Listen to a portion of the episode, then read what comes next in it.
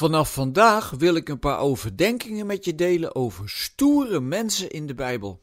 Ik zeg bewust niet stoere mannen, want er zijn ook genoeg vrouwen in de Bijbel die hartstikke stoer waren. Maar wat is stoer eigenlijk? Wij hebben daar vaak een beeld bij. Hè? Stoer ben je als je niet te klein bent, een redelijk grote mond hebt, voor niets en niemand bang en de gevaren, die zoek je op. En je hebt natuurlijk als man een geweldig sportschoolfiguur, flinke spierballen en een sixpack. Aan welke criteria een vrouw lichamelijk moet voldoen om stoer over te komen, nou daar heb ik geen mening over hoor, en daar waag ik me ook niet aan. Maar de eerste stoere figuur uit de Bijbel waar ik de spotlight op wil richten is niet Kain of Esau, die vast wel aan boven genoemd profiel beantwoorden, maar Jozef. Jozef was dat niet het grootste watje van de hele familie? Die beantwoordde helemaal niet aan wat ik net zei. Zijn broers vonden hem tenminste maar niks. Verwend, voorgetrokken en een beetje een roddelaar.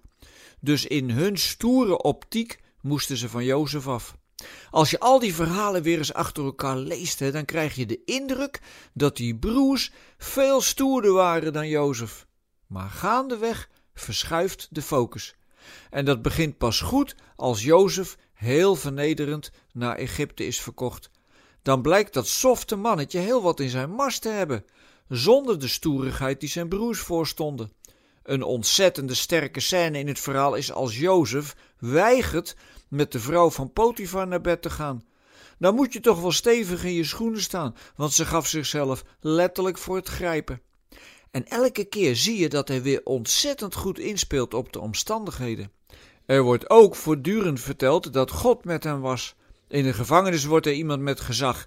En uiteindelijk wordt hij de man die Egypte redt van de ondergang, omdat Farao zo onder de indruk is van de verklaring van zijn dromen dat hij Jozef alles toevertrouwt. De enige momenten dat Jozef even flink zijn tanden laat zien, is als zijn broers om eten komen bedelen. Dan stelt hij ze behoorlijk op de proef en maakt ze onzeker. Maar hij is niet kwaad of verbitterd. Hij vertelt zijn broers nadrukkelijk dat God het zo geregeld had en dat het goed was dat het allemaal zo gegaan is. Hoe stoer ben je dan? Als je de mannen die je letterlijk in de put hebben doen belanden, op zo'n manier vergeeft en ze het leven nog mogelijk maakt ook. Dat is veel stoerder dan wraak nemen want dan geef je toe aan je gevoelens van gekrenktheid en vernederd zijn. Dat is helemaal niet zo sterk. Maar als je er boven leert staan en de zaak ten goede keert, dan wordt er iets zichtbaar van wat Jezus later voortdurend deed in zijn leven. Mensen nieuwe kansen geven, het leven om je heen strooien.